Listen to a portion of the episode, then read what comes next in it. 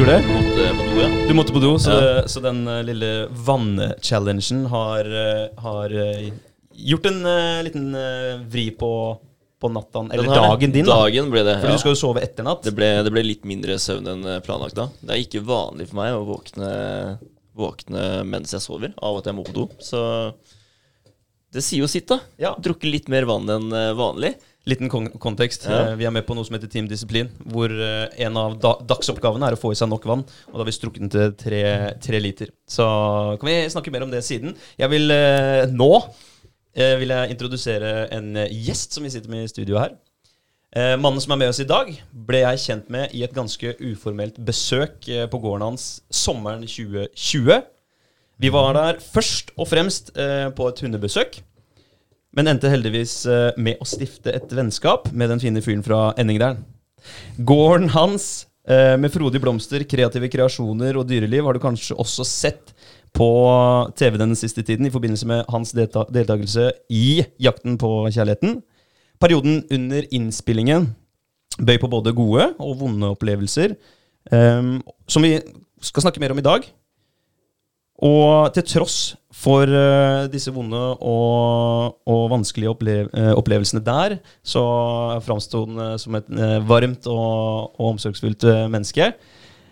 Og til tross for et innholdsrikt liv, med både oppturer og nedturer, sitter vi nå sammen med en varm, sprudlende og open-minded kar med et hode for business og et mangfold av ideer. Og viktigst av alt så er han årsaken til at jeg kan sitte og snakke om min kjære One Nut Noddy på podden her uke etter uke. Ta vel imot eh, Tormod Bakke Johnsen. Tusen takk. Tusen takk. Det er veldig fint å være her. Veldig hyggelig å ha deg her. Ja, det er det. Veldig. Jeg tenkte at vi skulle, vi skulle snakke Vi skal snakke mye med deg i, i dag. vi skal bli godt kjent med deg. Og at vi kanskje begynner med, med det ferskeste, som er et uh, reality-innslag. Uh, du har jo vært med på flere, men eh, vi kan jo starte med det ferskeste. JPK. Jakten på kjærligheten, ja. Yes. Mm. yes. Det, har, eh, det har opptatt mye av tiden din det siste året, i hvert fall. Ja, siste halvåret, kanskje. Siste halvåret. Kanskje ikke så mye siste tiden, da. Nei. Det- nei, nei. Spillingen var jo ferdig før det ble sendt på TV. Det er sant. Hvor lenge Ja. varer det egentlig? Nysgjerrig spurt når man er inne på det. For man får jo et litt eh, Hva skal jeg si, man får et inntrykk når man ser det på TV. Men eh, hvor mange uker er det? Eller hvor, altså, hvor Eh, er det vi snakker ikke uker. Og vi snakker ikke uker. Nei, ikke direkte. Uker. Nei, ikke det. ok. Eh, Selve innspillingen var ni dager. Det er ni dager, ja. Ni dager. Ja, ok. Så man blir såpass lurt, ja, av eh, TV. Hvis dere er hadde følt mens dere hadde sett at blomstene har ikke vokst så mye. Nei, ikke sant? Begynne å legge merke til uh, tinga rundt, rundt seg. Det er Ja, viktig. Ja. Ni dager, altså fra start til slutt? Fra start, nei, ja, fra start til slutt. Si, den, ja. Den introfilmen blir jo lagd tidligere. Ja, ikke sant? Sånn eh, TV-teknisk så er jo det noe som lages tidligere for at de skal liksom sende ut for å få promotere programmet. Ja. Og så eh, går det lang stund som ikke skjer noe som helst. ja, for da, da har du søkerne som har lyst til å være med på programmet. Ja. Eh, Skjer det ikke noen ting. Og så eh, kommer jo da selve innspillingen.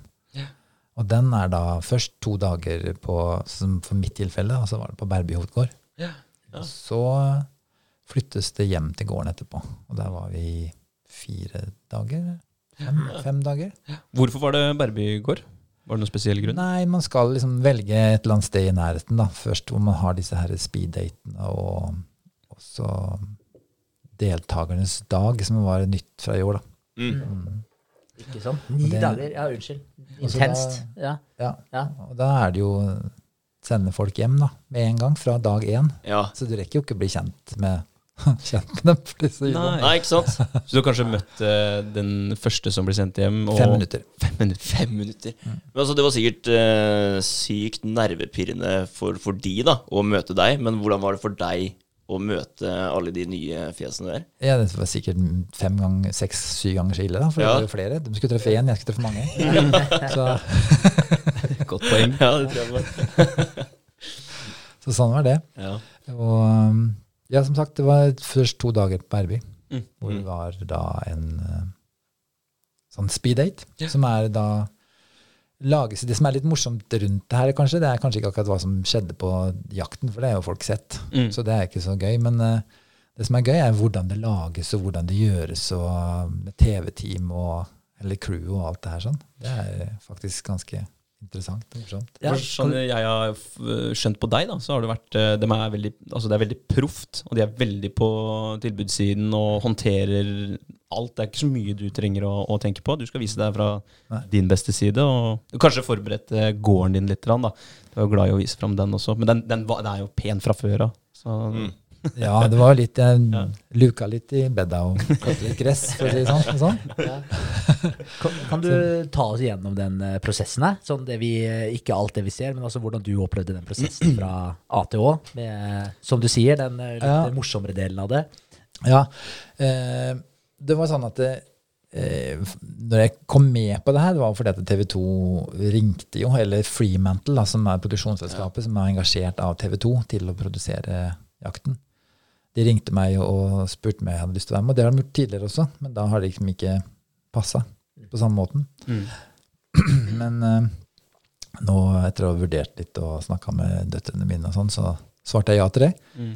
Og så var det jo en del sånn kommunikasjon med de om uh, hvordan det foregikk. Uh, og da uh, var det ikke sagt at jeg skulle være med med en gang likevel. For da var jeg fortsatt blant tolv, og det skulle ned til fire. Mm. Ja. Så da Starta var det, med så mange, ja. ja. Eller starta med mange flere enn det òg. Men det, jeg fikk greie på at når jeg liksom, gratulerer, du er med, etter at de hadde ringt meg, da var det tolv igjen. Mm.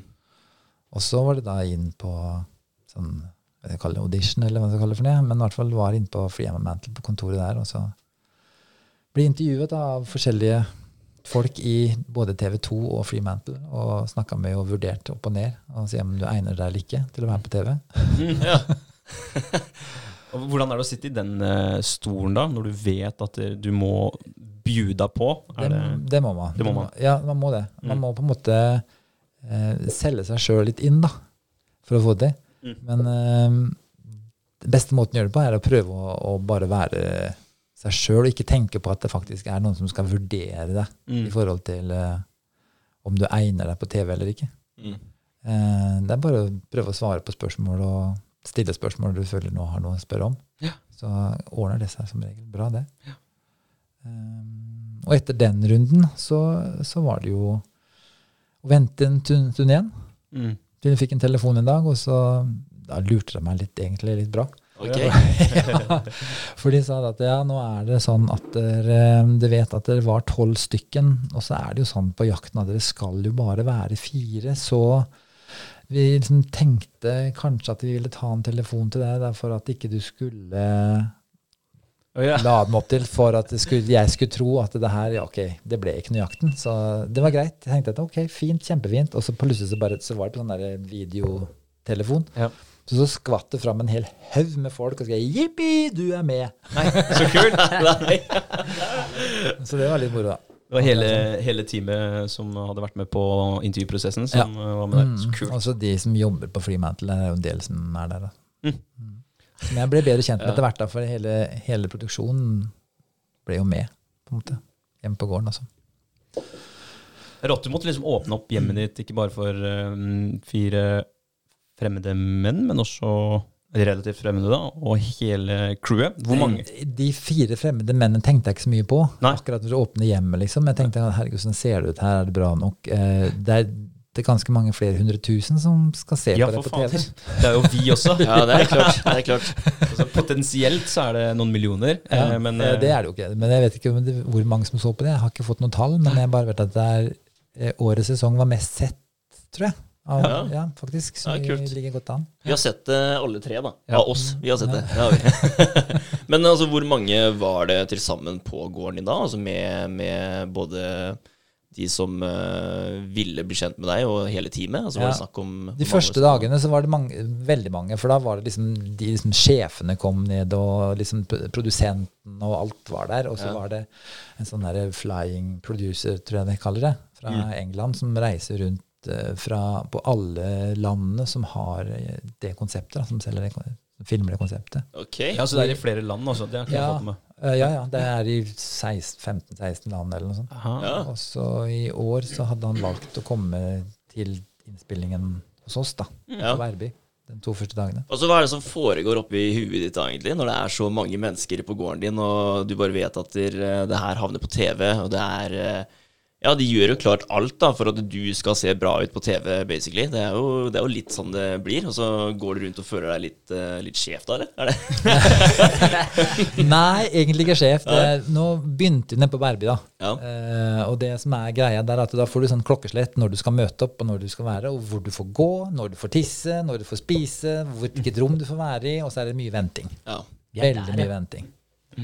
Rigid. Ja, og, sånn, eh, og der var det jo at det, jeg var i ene delen av huset, og de andre deltakerne var i andre enden av huset, og ingen skulle ses før den speed-daten. Nei. Så det var sånn der logistikk hvis det var noen som skulle på do, noen som skulle drikke vann, eller noen som var, hadde lyst til å gå ut på trappa for å få litt luft, så var det liksom mange mennesker som måtte Er det ledig der borte? Nei, vente litt. Ok, det er noen i gangen. Ikke sant? Det er sånn.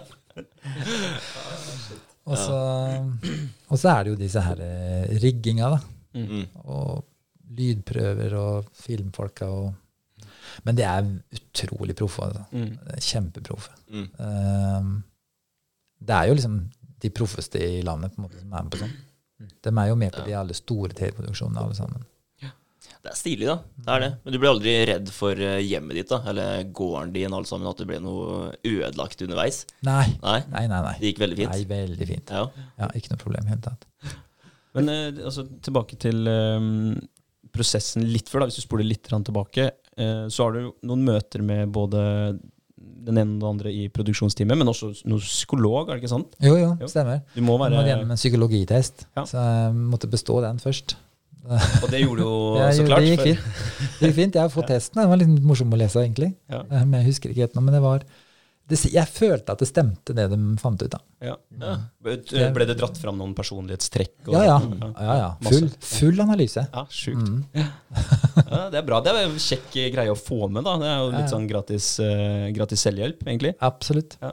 Så, Kult. Men eh, videre da, etter at du har fått disse hjem på gården Det er som eh, Vegard er inne på. Du, du, eh, ja, du har mange folk der, eh, de frierne, og så har du ditt hjem som du viser til hele den norske befolkningen i gåsetegn. mm.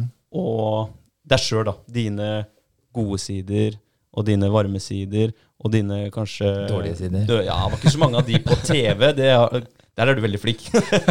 God skuespiller, er ikke det vi var enige om? Men eh, også noen følsomme sider også på, på jakten. Hvordan, eh, hvordan var det? Hva, har det gjort noe Så klart har det gjort noen inntrykk, men eh, kan du snakke litt om det?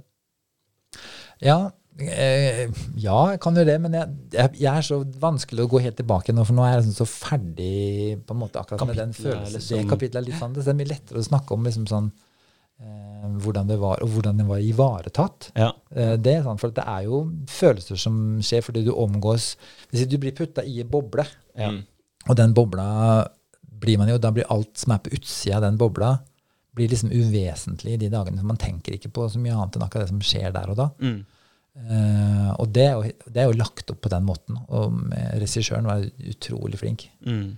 Haldenser, forresten. ja. Ja. Eh, mm, er det hun som står på gjester, gjestelista vår? Ja. Kult. Mm. Står på, råflink. Ja, hun står på potensial, nei, potensiell eh, gjest på, i temabanken til Dypt vann. Så der har vi jo. Og de er jo utrolig flinke da, til å liksom på en måte lese meg, da. Uh, og lese folka rundt seg, og vite hvilke spørsmål de skal stille, hvordan de skal legge det opp, hvordan de skal gjøre det her sånn. Så det føles, det føles aldri at du blir putta på utsida liksom, eh, stupet. Og hvis du blir pusha lite grann, så er de alltid der og så redder deg når du detter ned. så Ja, det går ja, alltid bra. liksom. Så er, du er aldri engstelig for at det her skal gå feil eller gå galt på noen måte. Det er bra. Ja, det er bra jobba av dem, da. Ja, det er kjempebra. Ja. Absolutt. De Men er proffe. I, i forhold til uh, i, uh, altså jeg, jeg, Det var noen tekniske problemer her, så det kan hende at du har uh, sagt det, men jeg må spørre. I forhold til, altså Du sa dere var på den uh, i gård, var det det du sa? Ja. Og så etter når dere kom til huset, er det sånn Går dere sammen hele tiden, bor sammen, er sammen 24-7, eller er det noe type kjør der også, i forhold til at det skal være sånn, det skal være sånn, det skal være sånn, du får ikke lov å gå dit? Altså er det Nei, nei, det er egentlig ikke. Eh, på gården hos meg så er det sånn at vi har, det er flere hus på gården. Så frierne liksom bodde på ett hus, og jeg i mitt. Ja, ok, Så du hadde liksom litt sånn uh, me-space? eh, Ja, litt sånn, så man kan ha muligheten til å være for seg sjøl, og det er viktig. Ja. For at eh, de bor jo på gården hele tiden, Mm. og det er viktig at man på en måte har muligheten til, både for de og for meg, å trekke seg tilbake. Er. Mm. Absolutt. Eh, og vi filma jo ikke hele døgnet, vi filma fra sånn åtte-ni på morgenen til sånn seks på kvelden, seks-sju på kvelden. Mm. Så da var det jo ganske tett hele tida. Men Mm. så er det Det blir altså mye venting. eh, For det er mange ting som skal klaffe. Mm. Og så skal man i synk, og så skal man i standup, og så skal man filme, og så er det reality, og så er det Mm. Og det er forskjellige ting. Kanskje forklare litt hva det er for noe, da. Ja. Synk og reality og Ja, og Kjør sånn. på. kjør på. Gjør det. Ja, ja, kjør på. Reality er når du filmer det som faktisk skjer. At du bare den kameraet henger på, og så da henger de over skuldra di, og lydfolka Uansett så, så er det en sånn der mikrofon med sånn dutt på et eller annet sted, eller, eller så er det ja, kamera som er tett oppi ansiktet eller på hele tiden. Og det er sånn Helt i starten så er det litt ehm, Litt sånn rart. Mm. Jeg vet ikke om det er vemmelig, men det er litt rart. Men det venner man seg veldig fort til. Til slutt så blir det som en fluer, hvis du bare vifter den vekk litt hvis du får for nærme. og så Det er reality-filminga. Og så har vi det som vi kaller for um, standup. Det er- hvis du stopper deg fort inn, og så kommer regissøren og så skal liksom stille noen raske spørsmål, som du da blir Akkurat som dere sikkert sett sånn TV-serier hvor du ser en forklarer et eller annet ting, den sitter alene. eller sånn. Og det er, um, det er ganske sånn kjapt gjort. da. Mm. Eh, og så har du synk da, som tar lengre tid. Eh, hvor du faktisk blir stilt Det kan ta opp til en times tid når du sitter på en stol og blir filma rett i ansiktet og stilt masse spørsmål. Og så bør du svare på disse spørsmålene hele tiden. Ja. Mm. Og de bruker dem jo til å klippe inn. da, ikke sant? Så her de kan de klippe og lime litt her og der. Ja. Så da får de jo svar på mye og masse spørsmål og masse ting de sikkert kan bruke. Mm. Kan sikkert mikse litt der. Men jeg føler at de har eh, klippa det greit. Ja. Ja. ja, for det er alltid et relevant spørsmål når man er med på type reality-program. altså sånn I forhold til hvordan man blir framstilt. Føler man at man kjenner seg helt igjen, eller eh, Mm. Om det er, ja, stort sett gjør jeg det. Men, men det, er, det som er viktig, tenker jeg, det er at man ikke at man føler at man ikke blir fremstilt feil. Mm. Liksom, at man, og det har jeg ikke gjort. Nei. Og hvis, hvis det hadde vært noe da som du hadde skorta eller mm, følt litt, eh, ja, litt ubehag rundt, hadde du da fått lov og muligheten til å, å bremse ned, eller er det sånn Nei, det som går, det går. Det som går, det går. Okay. Og det de klipper, og dem har ingen, ingen mulighet til å påvirke det. Mm. Der har vi noen kontrakter som jeg skal de, de eier meg og hva jeg sier og hva jeg gjør. på en måte Du kan bruke det som du vil. Ja. Altså, Hvordan var det under alle de spørsmåla da? Var det, tenkte du veldig godt gjennom hva du svarte da? Var du litt nervøs for å, for å si noe feil? Med tanke på at de kan bruke alt det du sier, da? Nei, jeg si, nei egentlig ikke. Nei. For at de er så mm, flinke, Mm. og de er så gode til å ta hånd om Jeg følte meg veldig Ivaretatt. ivaretatt, ja. Veldig ivaretatt. Og jeg vet at de ville jo også lage De vil lage et feel good-TV. De Mm. vil ikke lage Det er ikke noe Ex on the Beach eller uh, sånn her eh, Nei. program. Nei. Det er et familieprogram Mm. uh, som alle skal kunne Ja, det er se på, liksom, uten at det blir støtt. Men du er, du er altså eid da, i eh, x antall eller det, da. Du, produktet, deg, Ja. på i Jakten på kjærligheten, eller i Jakten på kjærligheten. Det, du er eid da i x antall år, eller? Er det Nei, et år, tror jeg. Jeg husker ikke helt hvordan det var med TV2, men jeg husker den første jeg var med på. Den mm. første tiden. Da husker jeg det var et år, fra da jeg merket at jeg kunne ikke gjøre noen ting på et år. ja, ikke sant? Ja, for da har du en klausul der som gjør at Ja. dere ja, Da må det godtas av eh, produksjonen. ja. Mm. Så, vi, så hvis det kan være med på å skape synergier til det andre programmet, så kanskje de godtar det, da. Mm. Ja. Men eh, det, da kan vi jo trekke en liten tråd til det også. Forrige program. Eh, Sammenligna, hva syns du Hvordan er opplevelsen på å være med på eh, Jan Thomas-programmet? Jeg husker ikke helt hva det heter. Heter Ja, eh, Jan Thomas søker Drømmeprinsen. Drømmeprinsen. Yes. Forskjellen på det og Feel Good, eh, Jakten Ja. på kjærligheten. Det er, det er jo Mye av det mye samme. som man kan trekke paralleller her. Mm. Det er det, men det er jo på en måte konseptet er jo litt forskjellig, da. Ja. Eh, Det var det jo. Andre var jo i Sør-Afrika. Det var liksom helt annet. Det var, det var ikke noe hjem på gården. Det var liksom ute i et fantastisk stort gods av et hus. Vi bodde på flott natur og svære opplevelser. Vi hadde mye mer sånn dater. Jeg fikk dykka med hai og fikk kjøre bil på bilbanen fort. Jeg kunne surfa i ørkenen. Det liksom masse sånne ting. Opplevelser. Ja. Det er utrolig kult. Herregud. Det er, det er da du begynner å bli verdt det å bli med på sånne ting. Ta det for opplevelsen. Ja. Ja, men det er nok. Det er nok to, to vidt forskjellige opplevelser, men det er opplevelser begge deler. Mm, de opplevelsene klarte ikke jeg å tilby hjemme på gården. så Det, Nei. det, må, det må til å bli dykke med gullfisk i dammen. Ja. Løpe med hunder i gården. Løpe med hunder i gården. Ja. Du kan ri på hest, da. Ja, jeg ri på hest kunne gjort det. Men ingen som gjorde det. Nei. Nei. Hvordan, eh, hvordan var det i forhold til For det her er jo egentlig Det er jo snudd på hodet i forhold til den eh, første Jan Thomas-saken. For da var jo egentlig du en av, kall det, frierne. Og, og på Jakten på kjærligheten så er det du som sitter som da Jan Thomas. Ja, Hvordan- det var jeg som hadde muligheten til å sende dem hjem. Ja. eh, På andre siden av bordet. Det Men det, men det jeg syns var Ja, makt, makt og makt. men det jeg syns var fint med det, var at jeg kunne relatert meg til hvordan de opplever å være frier. da. Mm. For jeg, I og med at jeg har vært i den rolla sjøl, de skoa en gang sjøl. Så, så det var jo på en måte Når jeg forsto Jeg tror i hvert fall at jeg har forstått når de på en måte hadde tid for å tenke etter eller føle noe eller være for seg sjøl, sånn, fordi jeg kunne kjenne igjen liksom litt hva som skjer nå. Mm. Mm. Så skjønte du at det, da var det kanskje greit å, å la dem få gå tilbake i, i kårboligen sin, da, og så Ja, sortere tankene. gjøre, det kunne de gjøre hvis de ville hele tida. Ja, ja, Sånn, ja. Mm. Ja, kjekt, kjekt å ha vært på begge, begge sider av, av den uh, greia der. Altså være en som skal jakte, og den som blir jaktet på. Mm. Hva trives du best som? Er du byttedyret, eller er du the predator? Hvis det er lov å si. Du vet, jeg vet ikke om jeg kan svare på verken det ene eller andre. Nei. Jeg trives best i akkurat sånn som jeg har det nå. Ja, ja, ja. Og det er jo nytt, det også. Ja, Ja. det er det. Da er det match. Det er jo en eh, kjæreste inn i livet til Tormod, så det ble ingen av eh, jakterne eller frierne. Ingen av frierne på jakten, nei. Det ble ikke det. Men uh, Og hva- kom rett etterpå. Det kommer rett etterpå. ja, jeg, jeg, har ikke, altså jeg har nesten ikke fått uh, snakket med deg uh, siden det skjedde, for det har vært uh, kaotisk de siste ukene, månedene. Mm. I hvert fall ukene. Kan du gi oss en liten oppfriskning? Hva har skjedd etter jakten på kjærligheten? For det endte jo ikke opp med frierne, som sagt. Vil du ta en liten recap på det som har skjedd nå? Ja, når det gjelder frierier og sånn, tenker du på? Ja, frierier, for eksempel. Jeg har ikke helt frierier, men eh, ja da, jeg har jo truffet den store kjærligheten, da. Mm. Mm. Gratulerer. Ja, gratulerer med det. Grattis.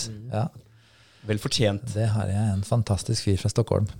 Som, Ok. eh, som ikke visste noen ting om jakten og TV eller noe som helst. Så det er veldig deilig, veldig befriende å vite at han hadde ikke peiling, og det var han som fant meg. Så, Så, så utrolig kult, egentlig. Ja. Eh, behagelig å vite at det ikke er noe Det er ikke just for the fame and uh, money, holdt jeg på å si. Nei, ikke det hele tatt. Så han er jo verdens fineste fyr, da. ja. Mm. og, og det skjedde via en datingapp. Ja, ja, ja. gjorde det. Så det er den, den nye kjærlighetsstoryen som uh, Ja, går igjen. Ja, Selv for eldre folk går det, altså. Ja. Du må ikke være ung for det. Det er, det er hyggelig at det fungerer eh, i alle aldre, da. Ja, gjør det. det er veldig kjekt. Mm. Man blir jo connecta på en helt annen måte i dag. Så man har jo, eh, man har jo hva skal jeg si, i anførselstegn, det høres kanskje litt feil ut, da, men tilgang da, på veldig mange mennesker, og knytte kontakt med veldig mange mennesker som man ikke hadde før. Mm. Og det er jo mange fordeler med det. Mm. Så det er eh, hyggelig å høre at det fungerer i alle aldre. Ja, det fungerer. Og det fungerer såpass fint. Jeg tror nesten at her, har vi, har vi klart å finne ut av det her på egen hånd, eller har vi hatt hjelp fra noe sted? Ja. For det Har det, vært, det har vært bra match. veldig bra match. Ja. Ja, Utrolig hyggelig. Men ref det, da, i forhold til ja, sosiale medier, at man kan ta kontakt eh, med deg også på utsida av jakten på kjærligheten. Er det, er det mange som gjør det? i forhold til det? Altså jeg ser for meg når du ser at eh, ok, her kommer eh, ja, Tormod Bakke Johnsen, bonde, eh, og ja, hva skal jeg si, ser den eh, promoen av deg da, på TV, og her kan du søke basically om å, om å bli frier, men da havner du på TV, og så er det sånn, eh, men nå vet jeg hvem fyren er, og det går jo an å finne kontaktinfoen hans og ta kontakt på utsida òg. Hvordan var det i forhold til antall frierbrev, antall som har tatt kontakt ved siden av? Er det noen som tar kontakt ved siden av? Jeg er helt ærlig på det, så er det faktisk flere som har tatt kontakt ved siden av enn om frierbrev. Ikke sant? Ja. Det er, Var det, ja. Er ikke det vanskelig å forholde seg til? Eh, ja og nei. Det, det blir ikke vanskelig fordi at det blir liksom litt sånn mye og overveldende at man på en måte ikke, ikke, får ikke til å svare på, på alle som på en måte søker kontakt, eh, på en måte. Så, så det blir Å ja, tenker man. Ok, en til. Hva skal jeg gjøre? Liksom, skal jeg få svare høflig og pent, og tusen takk for at eh, Tusen takk for hyggelig melding, og Mm. håper du har en fin dag. Mm. det blir litt sånn. Ja, ikke sant? Ja. Um, men um, Er det ukomfortabelt for dem? Er det derfor, eller de ikke Det er veldig mange som skrev fordi at de, jeg syns du er hyggelig, vil gjerne bli kjent med deg, men eh, jeg har ikke lyst til å være på TV. mm. Mm. Så hvis det er mulig, så vil jeg er glad for at du svarer. Ja. Mm. Det er veldig mange av de. Veldig forståelig òg. Det er det. Ja, ja det, er, det er jo en eh, skikkelig barriere å nokke ned det å stikke hodet sitt fram på ja, medier. Vi har jo knocka ned dem på sett og vis. Altså, vi har ikke 100 000 som titter på oss enda, men, eh, men Kanskje er, nå, da. kanskje nå. Men, eh, men eh, det har jo funka for, for frieren også. Jeg har skjønt at noen av de har fått seg noen, noen dates etter å ha vært med på Jakten på kjærligheten. Har ikke alle det, egentlig? Har ikke alle fått seg kjæreste? alle etter? bøndene har fått kjæreste etterpå. Det er en, av, en av oss som på en måte fikk det på TV-programmet, så er det tre andre som har, nå er i et forhold. Ja. Ja, Utrolig bra, da. Alle fire. Men jeg tror det har noe med at når, eh, når man på en måte har vært med i et sånt program, eller i en eller annen form med noe sånt noe, og så da har man åpna opp Mm. en, kanskje en dør som kanskje har vært litt lukket, eller ikke helt, helt åpen. Mm. Og så eh, er det lettere å, å på en måte holde den åpen etterpå. Da. Hvis, hvis det skulle komme noen som kontakter en, så, så er man liksom kanskje litt mer på. Ja, for det er alltid noen som leter etter ulike dører. Bare se på, på folk som sitter inne for eh, ikke, eh, Ingen sammenligning for øvrig, da, men sitter inne i fengsel for eh, seriemord. Altså de har eh, drept eh, mange, massevis av personer. De får jo også frierbrev. Mm. Så det er jo alltid noen som leter etter noen, eh, noen dører. Så, så ja, du er inne på noe der. Det er liksom et, marked for, for alt. For brukte reality-stjerner. eller? Men også, også disse, mm, disse frierne Og det er litt rart, da. At de, de frierne også, de som har kommet til deg, de har vel også fått noen, noen dates? Ikke bare de som var bønder, eller er bønder, var bønder. Ja, det tror jeg. Ja. Ja. For de har åpna seg opp, som du sier, og da, da har de åpna opp en dør da, til eh, folk som leter etter. Folk eh, som er åpne og, og kan være på TV, er litt sånn, har en annen utstråling. Og så har du de som leter etter eh, disse psykoene som sitter inne i fengsel. Da. Så du har alt, du har noe for alle, tydeligvis. Det er alltid, det finnes noen fag der ute. Ja, det gjør det. Mm. Og det er jo bra. Det er jo veldig bra. Og jeg tror også det det er viktig å være, være åpen, og så på en måte eh, ta en sjanse noen ganger. da. Mm. Prøve på å si at det er ok. Sånn som når han, min nye kjæreste kontakta meg, så, så brukte jo ikke jeg å svare på, men det var et eller annet med det som gjorde at ja, nå skal jeg svare. Han skal liksom, altså, var langt vekk, da. Stockholm, det åh, langt vekk, det går ikke. Men det, eh, det gjorde det. Det løste seg. men han, eh, ja, men han fortsatte, og så gikk det veldig fort at vi begynte å snakke på telefon. Mm. Og da var det gjort. Ikke sant? Ja, veldig hyggelig. Men det er jo noe med det der å høre på, kanskje lytte litt til magefølelsen også. For det er jo det jeg kanskje hører litt at du gjorde der, at det her var det et eller annet som, eh, eh, som trigga at du, du ville svare den personen der. Ja, og det tror jeg vi gjør litt for lite. Ja. Ja, jeg er Jeg helt tror. Tror vi er for mye oppi hodet innimellom. Helt Eh, enig. At vi må liksom høre litt mer på den indre røsten og indre stemmen og eh, liksom følelsen av å liksom våge å høre på den. da. Istedenfor å bare tenke at det, hm, hva er normen her nå, hva er det folk tenker, hva bør jeg gjøre, hva tenker folk jeg skulle ha gjort, og alt det her sånn. Mm. Men liksom gå litt på utsida av den der, Mm. og bare våge å gjøre det som du kjenner du har lyst til å gjøre. Det tror jeg er ganske viktig. Det Ja, er. Veldig, veldig enig. Og det tror jeg man har mye igjen for òg. Altså man, man kan jo si at man er mye mer sann mot seg sjøl. Det er jo den følelsen du har ofte, som, eh, som forteller deg litt hva som er rett og hva som er galt. Hvis man velger å skyve den ned.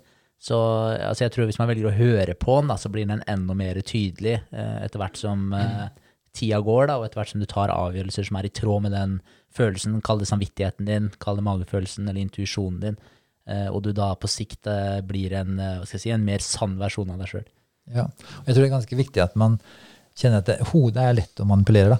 Mm. Du klarer ikke å manipulere kroppen Mm. samme måten. Eh, Celleminnet i, i kroppen er der. Og du husker og vet hva du trenger og vet hva du føler egentlig, men hodet tolker jo, men vi kan også overtolke det. Mm. Så hvis du hele tiden underkuer disse ja, magefølelsen, eller du hele tiden legger lokk på det, så, så vil du ikke få et bedre kjennskap med deg sjøl, og du vil kanskje bli mer oppi i ditt eget hode. Og der uh, kan det jo skje mye rart. kan bli lurt. Du kan bli lurt, rett og slett. Ja. Så vakkert sagt, uh, Tormod. Og det, jeg er veldig glad for at uh, det traff. Eh, og at det, det mm, ble en Stockholm- Stockholm-kar, er jo også spennende, da. Er det pendling, eller er det Ja, enn så lenge, men så jeg håper han blir haldensere. Ja. kult? Ja, det, altså du har kanskje litt mer altså Nå vet ikke jeg hvordan han bor, da, men jeg regner med han ikke har en flott gård oppi ending der nå skiltet med. Du har kanskje et litt større fundament? Ja, men jeg håper ikke det er fundamentet som drar, da. Nei, det er, det er, det er, Ja, det er det er et godt poeng, det også. Ja. Absolutt. Ja. Men uh, i forhold til det der med å stikke hodet fram, da, altså uh, spesielt når man er uh, hva skal jeg si, Du blir en type offentlig person. altså Du er med på type realityshow. Du har jo selvfølgelig en Instagram-profil, som uh, veldig mange har i dag. Uh, men det stiller seg kanskje litt annerledes når du da er med på reality-programmer. Du får jo mye mer blest rundt deg som person.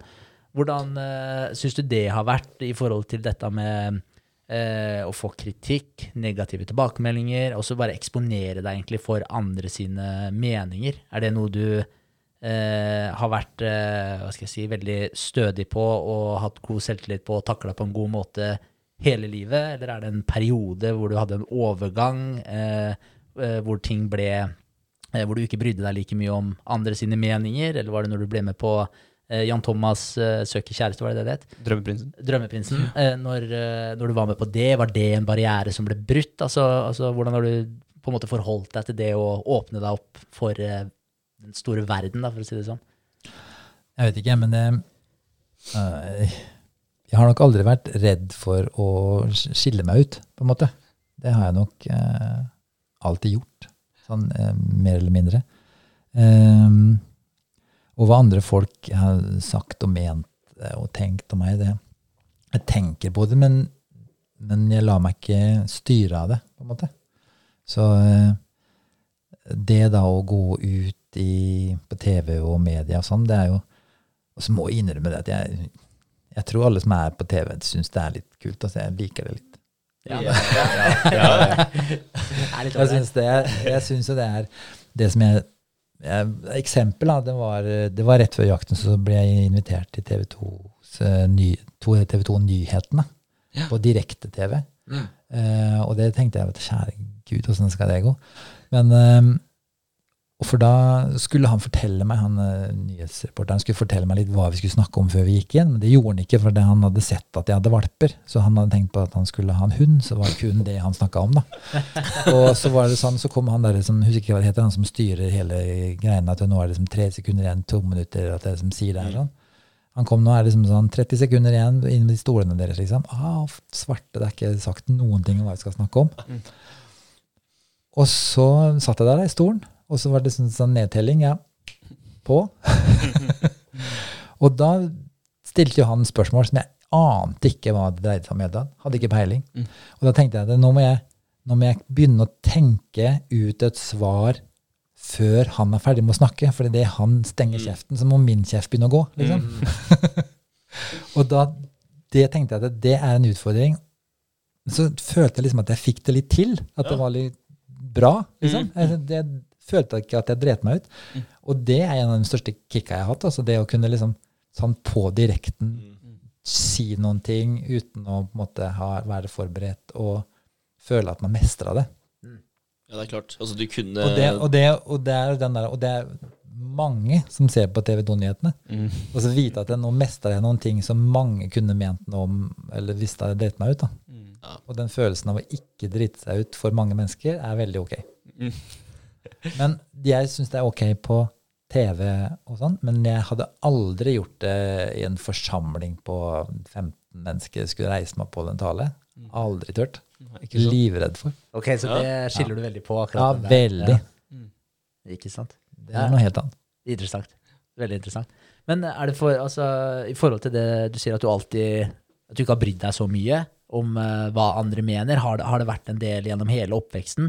Altså, du er, uh, Legning, er det, er det bifil eller er det homofil? Nei, jeg, det er menneske, i hvert fall. Menneske? Ja, ja, men jeg tenkte på i forhold til På et eller annet tidspunkt, da når du begynte å finne ut av de tinga her, da. Ja. Ja, Nei, det jeg debuterte menn. Ja. Mm. Og så oppdaga jeg etter hvert at jeg eh, kunne forelske meg i damer også. Og så okay. i min alder og den eh, kulturen det vi har hatt her i Halten, så er det var det enklere, ja. på en måte. Og det var ikke noe feil for meg, liksom. Det var riktig. Jeg forelska meg på ordentlig, og det var ikke noe tull. Men eh, men eh, Så jeg, men jeg tror det, er, det kan variere. Jeg ville kanskje sagt at jeg begynte som homofil, gikk over til bi, ble litt mer pan, ender opp som homse igjen, liksom. Ok. Ja.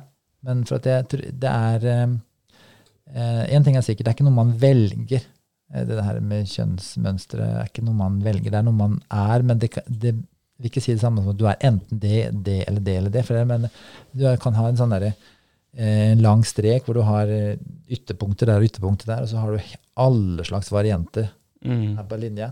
Mm. Jeg tror det med kjønnsroller og kjønnsmønster og alt det her sånn, og hva det, man er, eh, om man er hetero eller homo eller bi eller pan eller, eller hva man er for noe, eller trans eller ikke-binær eller alt det her sånn, så er det det er ikke noe man har valgt å være, men det er noe man på en måte også bruker kanskje litt Noen bruker lang tid, noen bruker mye til å finne ut av hvor står jeg, hva er jeg trygg i, eh, alt det her. Mm. Til syvende og sist så koker det vel ned til at vi alle er individer. Vi er alle Som du sa på forrige podkast, mye om. Ja. Ja, ja, ja. Eh, helt klart individer. Det jeg sier at vi er mennesker. Mm. Jeg sier at det, må, det må være målsetningen at vi kommer dit en dag til at vi ikke vi behøver å si at vi er det, det ene eller det andre. Og at det ut, Jeg tror det er veldig viktig med utdanning. At vi på en måte fors- På all nyere forskning, og utviklingen går jo mye, mye fortere nå på alt. Eh, også både på ren forskning og på følelsesmessig og alt, så skjer ting mye fortere. Det har vel skjedd mer de siste to ti årene enn jeg har gjort de siste millionåra, liksom, måte. Eh, og jeg er helt overbevist om at eh, vi en dag kommer til å forstå at eh, vi er vi er på en måte forskjellige av en grunn. Og for det at Jeg tenker sånn, et veldig enkelt eksempel. da, at Hvis man tenker tilbake til eh, 30 millioner år siden stenalderen, eller hva det er for noe vi holdt på, så, så hadde du jo ikke eh, satt f.eks. en, eh, en eh, ekstravert fyr til å sitte inne og passe på at bålet skal brenne. Mm. Liksom. Den hadde jo, eller en med ADHD hadde du sendt ut i, for å se om det er noen fiender eller noen ville dyr som skal skytes, eller som kunne være overalt på en gang. Og følge med, ikke sant? Mens en som er en sånn introvert person, kunne passe å sitte inne og passe på å legge på at det, bålet brenner. Mm. Og det, det jeg mener at vi er skapt forskjeller fordi vi er ment å ha forskjellige oppgaver. da. Mm. Mm.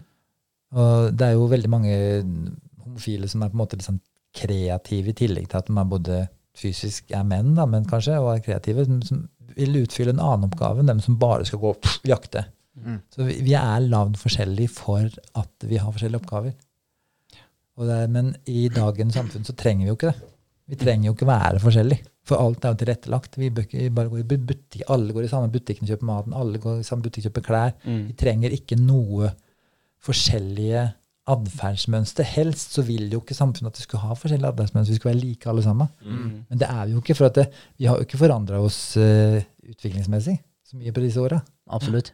Så, så det her eh, angst, eksempel. Vi hadde ikke overlevd uten angst eh, for lenge siden. Vi hadde ikke vært redd for om det var noen ville dyr der, eller det var noen fiender som kunne skyte oss. Så hadde vi jo på en måte blitt skutt og drept. Det er bare at angsten framprovoseres på en helt annen måte. I nå, for vi har ikke, har ikke bruk for å være redd for de samme tinga.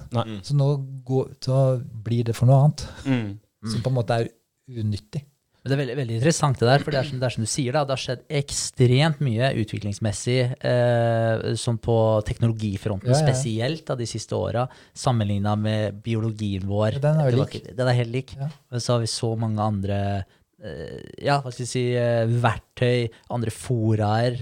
Man er eh, knytta til en eh, rekke mennesker man aldri ville vært knytta til så jeg er egentlig knytta til hele verden. på, på Og sett og vis. den utviklingen her har jo vært eh, over tid, og så da, da er det jo vanskelig å finne ut av hvor man hører hjemme, kanskje. For det at i med religion og kultur og alt det her som er sånn menneskeskapte ting for å holde kontroll på folket, Mm. så er jo det på en måte blitt at du, er du sann, så går det bra. Er du sann, så går det ikke bra.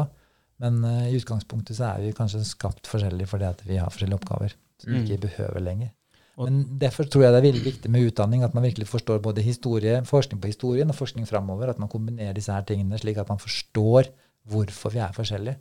Og den dagen vi forstår det, og alle kan lære seg det helt fra de er små, Mm. at det er, det er naturlig å være forskjellig, Mm. så trenger vi jo ikke se på det som noe ubrukelig lenger. Her er alle, alle brukelige, for å si det sånn. Ja, ja, ja. Men, det, men det ser man jo tydelig i dagens samfunn at det blir eh, I og med at det ikke er åpent for å snakke sånn som vi gjør nå, da, Mm. i et langt format uten at noen avbryter hverandre og roper høy står på vi å snakke om det og før også, stå på barrikaden og kjempe for sin sak.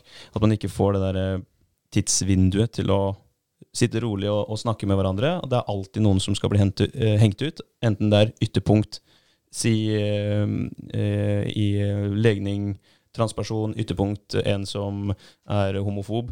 At det er et eller annet eh, sted imellom her.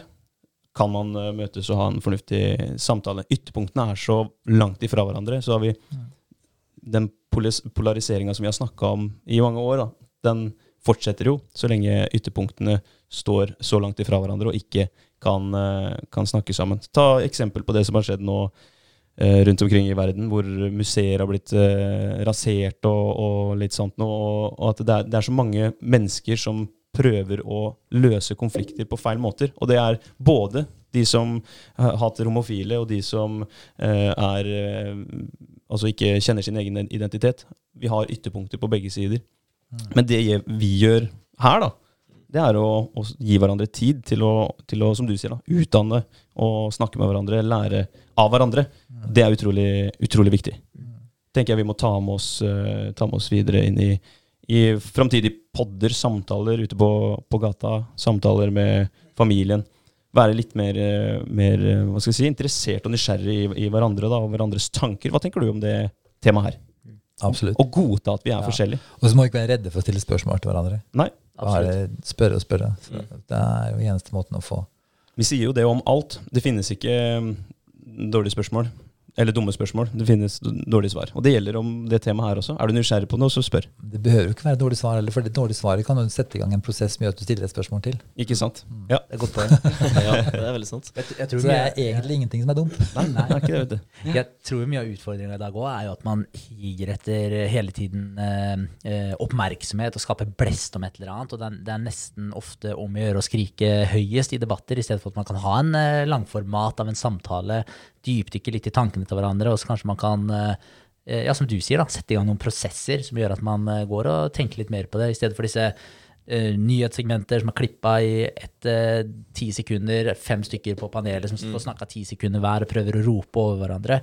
Uh, jeg tror at det også er en av de store utfordringene vi har. Jeg tror en av de beste måtene å vise spesielt unge da, hvordan man burde oppføre, oppføre seg, hvordan man burde være som menneske, er jo å gå foran som et godt eksempel og vise eh, at du f.eks. er et menneske, altså når vi snakker om det vi snakker om nå, da, i forhold til identitet osv., at du viser at du er et menneske som faktisk aksepterer at alle er forskjellige. Og, og, og vise det. eh, Jeg tror det kanskje er en av de viktigste måtene man gjør det, i stedet for Ofte så blir det en sånn eh, Jeg kaller det litt en sånn skrikekonkurranse. da. At du har de kanskje ytterpunkter som får veldig mye blest. For det er jo som regel de, ja, dem som limer seg fast på, på bilder i museumer, kaster suppe på, på malerier som er eh, ja, historiske kunstverk. Ikke at det har noe med legning å gjøre, men det har noe med å ytre en mening å gjøre.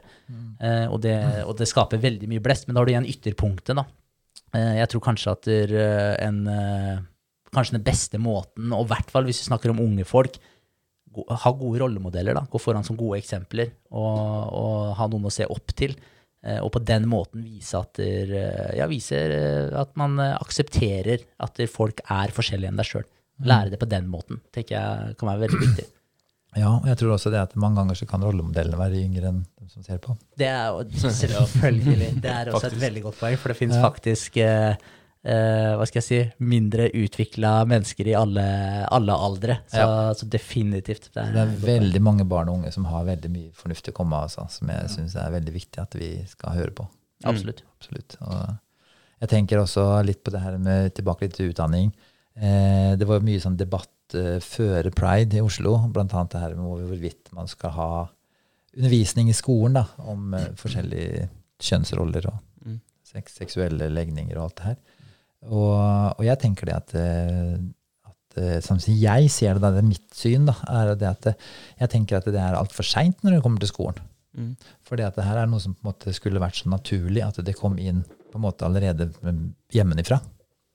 For det at foreldrene der også var det helt naturlig for oss å snakke om at alle er like. At Mm. alle er like mye verdt, alle er der sånn, uansett om du er grønn eller rød, er eller blå Mm. eller gul eller legninger eller hva det helst må være, så er vi, Mm. er vi like. Og så jeg tenker at det er for seint når det er på skolen.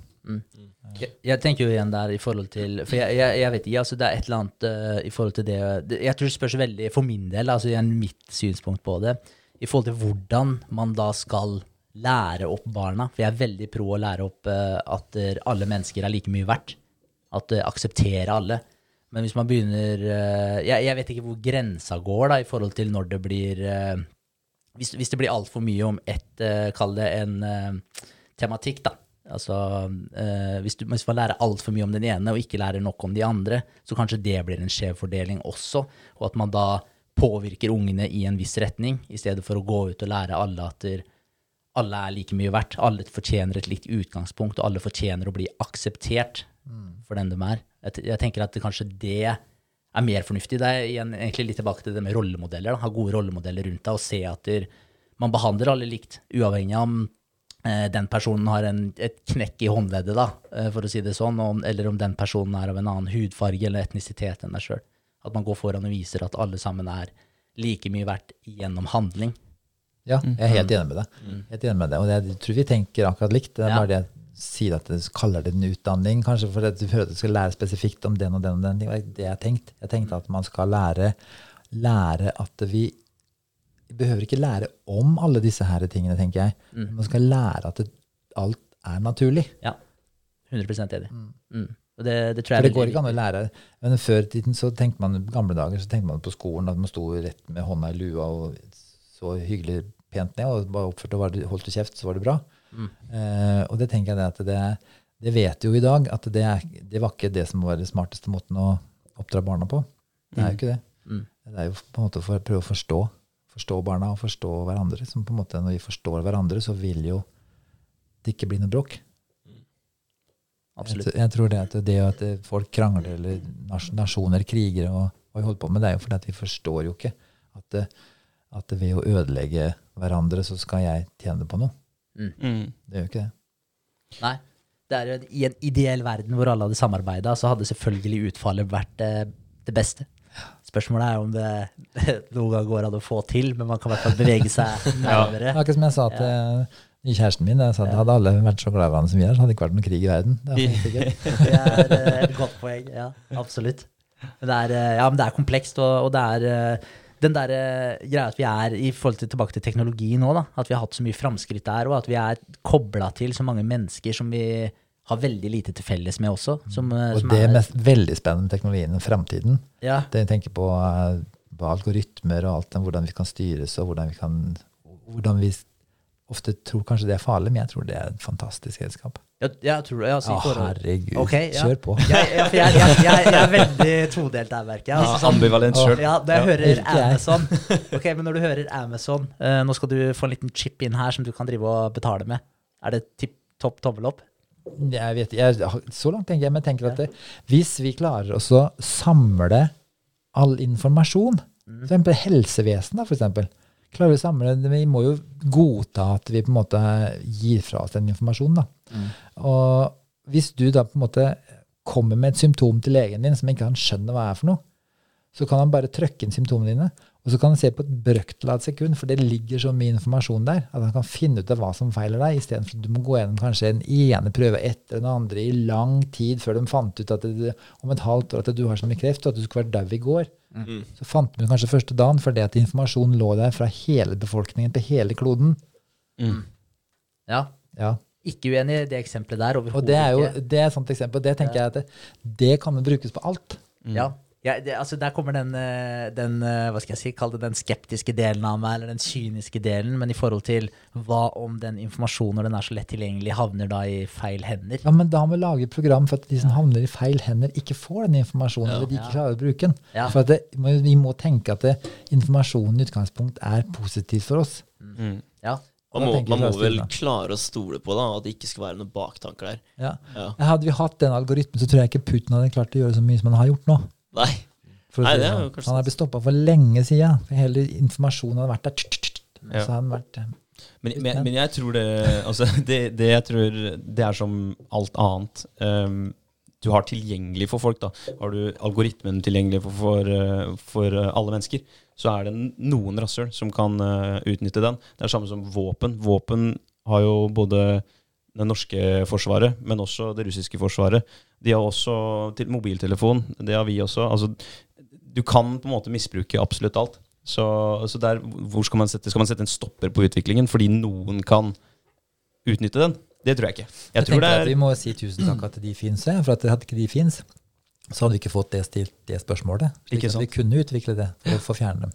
Ikke sant? Vi må jo ha dem for å få vite hva vi skal gjøre med dem. Ja, altså Hvis du har en eh, sånn superalgoritme som, eh, som du er skremt eller skeptisk til i Russland, så må jo da de, hvis vi kaller oss sjøl de gode, da, nå mm, sier vi at vi er de gode, eh, for i dag i hvert fall, og så, og så kan vi ta en debatt om det senere, men, hvis vi er de gode, da må jo vi steppe opp og lage en enda bedre algoritme og, og ta de igjen. Så det er jo teknologiske fremskritt som bygger hverandre, da. Men, jeg, jeg, ja, men det, er, det er igjen da den her med ok, eh, god versus eh, ond. Den er utrolig vanskelig. Den er vrien. Eh, han, Aleksandr Solzjenitsyn han sa jo at det eh, skillet da, mellom godhet og ondhet det skjærer gjennom hjertet til hver eneste person.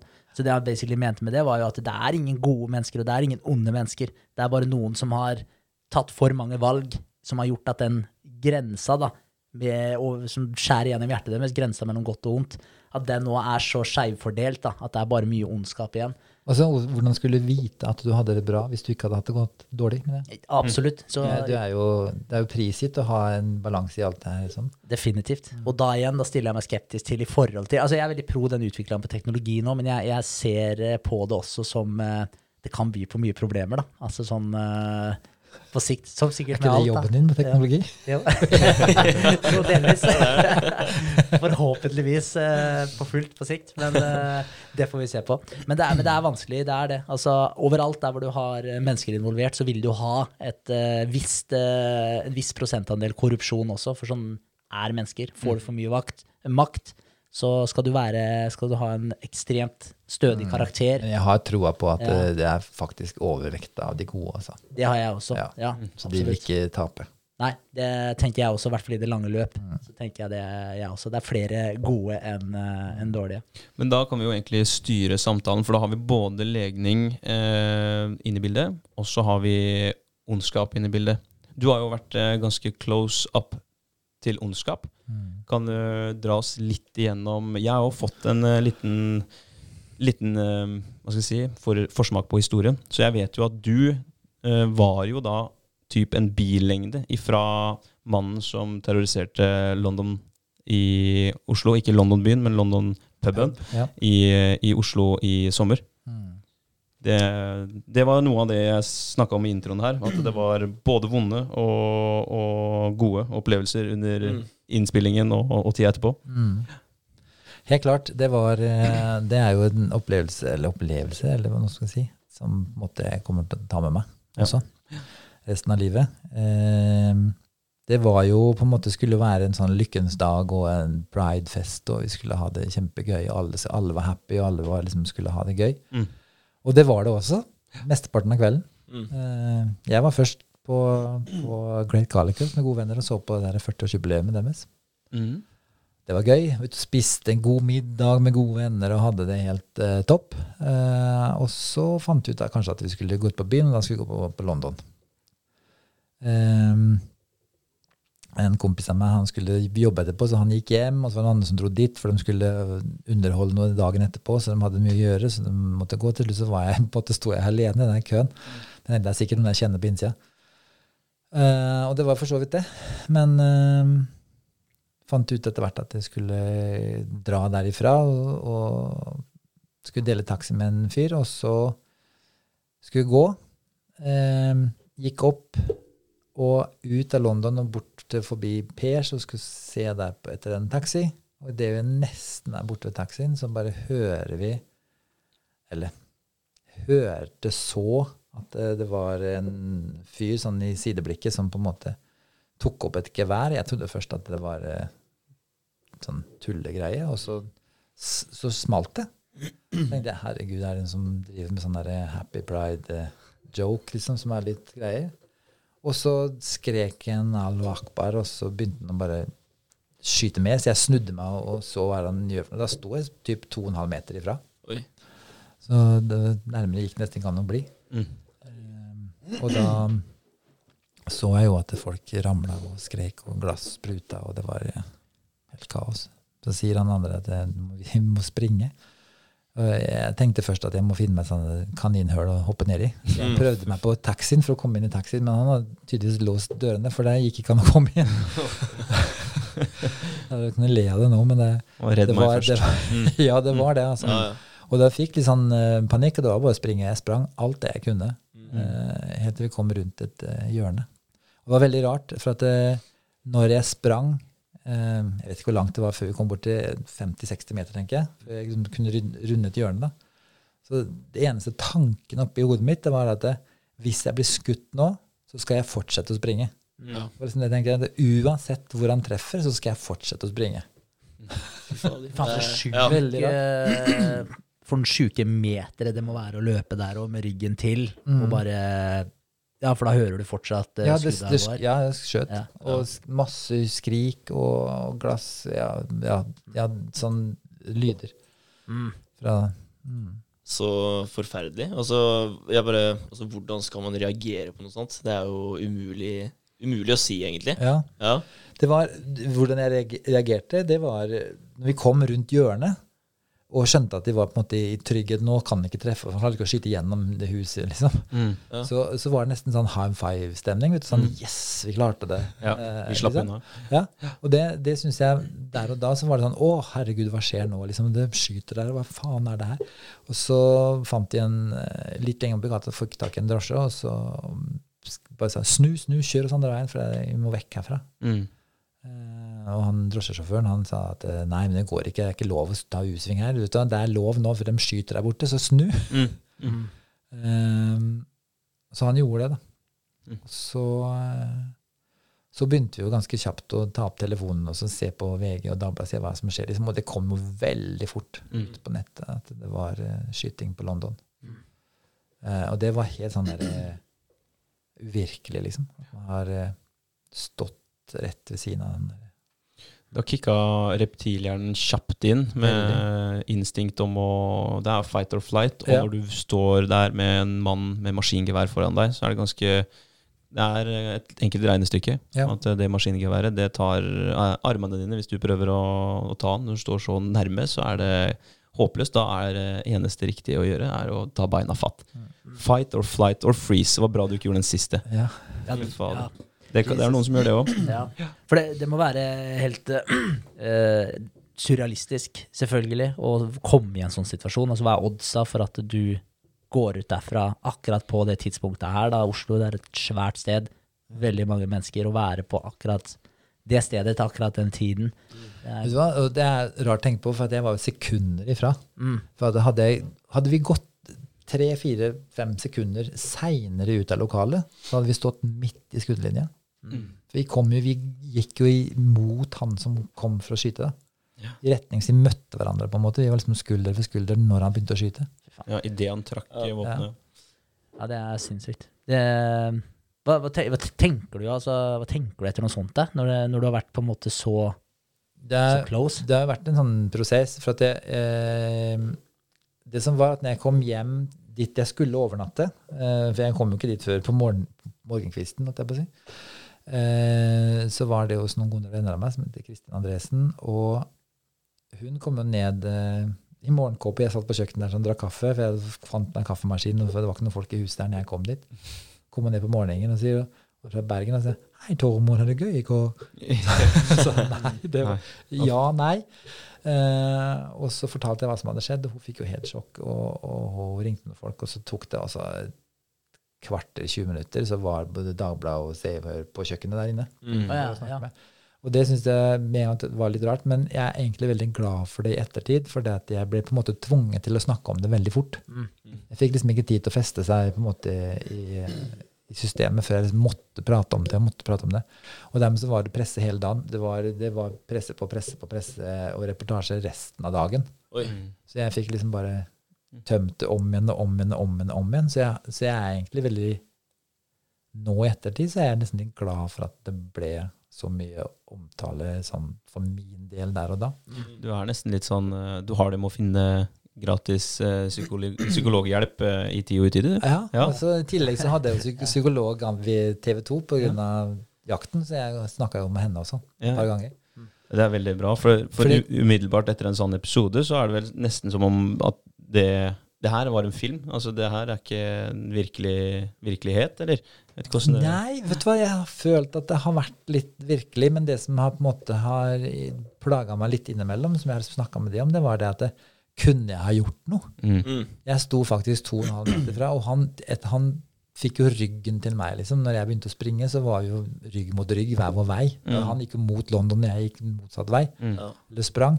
Og så jeg tenkte sånn at herregud, her kunne jeg liksom ha snudd meg og så knocka han til huet, liksom. Hadde jeg hatt noe, liksom, Skulle jeg slått ned? Hva skal jeg gjort, liksom? Det er det som er så vemmelig, da, fordi du, du er aldri klar for at en sånn situasjon skal eh, skje. da. Det er sånn, du har vært på byen og kost deg. Ja. Ja, det kunne ikke, du kunne aldri sett for at det her skulle skjedd den dagen. Nei, nei, nei, er overhodet ikke. Alt det er man jo aldri heller. Det er jo, man er aldri klar for at en sånn type situasjon skal skje. da. Så det er hvordan du skal reagere på det, og tenke i ettertid at jeg kunne jo snudd meg og slått den. Ja. Det er sånn, Ja. Du, ja, du burde ikke tenke sånn Eller? Nei, nei men sanne tanker har kommet, da. Ja, Eh, selvfølgelig, I, i eh, etterkant. Mm, liksom. ja. Kunne jeg gjort noe, liksom? Eller hadde Hvis jeg hadde gjort noe, hadde jeg redda noen av de andre? Mm. Men det er sånn Men det sa disse her eh, psykologene og disse som har prata med, da, at det, det kunne du ikke ha gjort. For at du, du handla instinktivt, og det å komme seg unna, og det er det eneste riktige å gjøre i en sånn situasjon. Mm.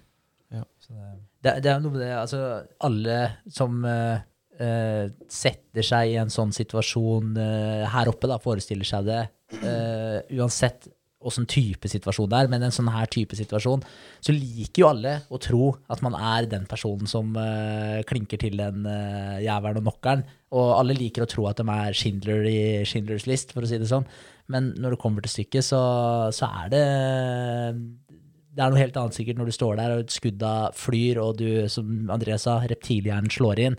Instinktene Ja, Tar ja, overhånd. det er dem som tar overhånd, det er dem som styrer skuta, og da er det jo, som du sier òg, naturlig å bare komme seg av gårde. Jeg kan jo bare forestille meg den frykten man må få når det står noen så nære deg med et gevær og begynner å fyre løs, da, og du hører skuddet hagle. Det er nok med at det snur seg sånn. ja, Altså, det, ja. Ja, jeg visste jo ikke hvilken vei han kom til å skyte. Om han kom til å skyte rundt seg eller bare i én retning, det hadde jo ikke peiling på. Men nå Nei. var han jo veldig rekta på London. Mm. Mm.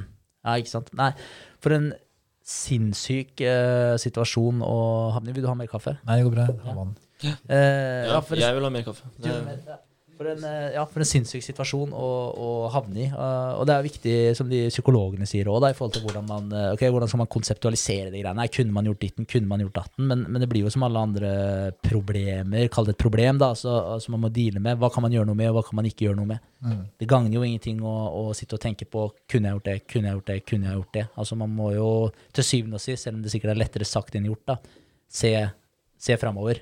Og, og ikke tenke på alt man kunne ha gjort annerledes. Jeg tenker jo 99,99% kanskje 99,999% hadde tatt beina fatt og kommet seg i sikkerhet i det eh, Ja, jeg tror, tilfellet det, jeg der. tror det. Jeg tror det. Definitivt. mm. Hvor- Men hvordan, eh, hvordan eh, har, det forandra noe ved deg etter at du har opplevd noe sånt? Altså, ja. kan du, Det har det. Kan du forklare Eh, det har noe med at jeg eh, kjenner nok på det at jeg må bruke stemmen min litt mer. mm, Mm. Før så har jeg ikke tenkt på at jeg har noe å komme med eller har noe å si, eller noe sånt, men nå tenkte jeg at det, eh, Man bør ikke være så smart eller flink eller vite så mye for å ha noe å si. Mm. Eh, rett og slett bare at du kjenner at det har noe på hjertet, å komme med det. det. Før, hvis jeg hadde noe på hjertet, så sa jeg ikke noen. Men nå sier jeg det. Mm. For det, det kan hende det kan eh, være en forandring for noen. For det at det er så tett på å ikke være her, og det å være her.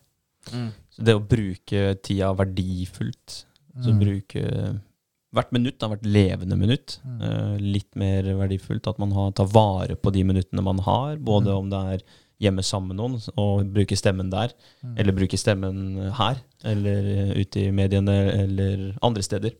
Det høres ut som uh, fornuftige tanker rundt det i etterkant. da. Ja, så tenker jeg hvis man har, hvis man har en, en tanke om hva det nå måtte være, om livet, og det med å leve, om livet og kjærligheten og det å dele noe med seg, så Mm. tror jeg det er viktig at man sier det til, til noen. Mm. Eh, for hvis man lar være å si det noe, så er det noen som kanskje Det kan være en person som bare har venta på ubevisst akkurat den lille setningen du har å si, for å få en helhet i sitt liv. da. Mm. Det vet man ikke. Og det er mye bedre å ta sjansen på å ha sagt det, enn å ikke si det. Så tenker jeg det at det er for at det, og det tenker jeg litt er litt i utviklingen i samfunnet også, som vi trenger i framtiden. Det er at vi har levd altfor mange tusenvis av år med, med styrere som har sagt at det hva som er rett og hva som er galt. Mm. Og, og at hvis ikke du gjør som jeg sier, så skal det gå deg ille.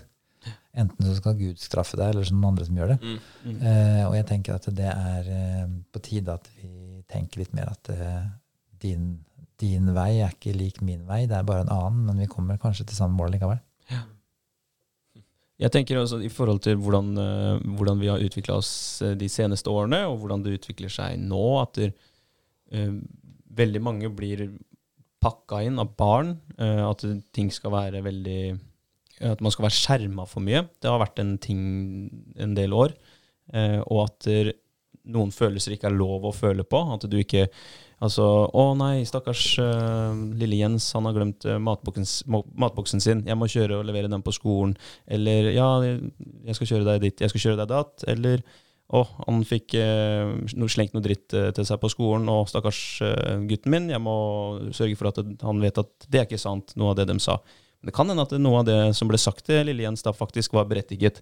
At man da lar barn og voksne få lov til å kjenne på følelsene sine, at man ikke skal eh, beskytte mennesker for mye. At vi nå vi, vi løfter fram individet, og det er viktig, løfte fram individet, men at vi også tenker på, på hva individet kan gjøre for fellesskapet. da. At vi ikke skjermer for mye individet, at vi skal sitte inne og ha det trygt og godt og ikke bidra noe til fellesskapet. At vi er ærlige med hverandre. At du burde kanskje gjøre dette. Jeg føler at du har gått over en linje her. Jeg føler at eh, vi kan få til X.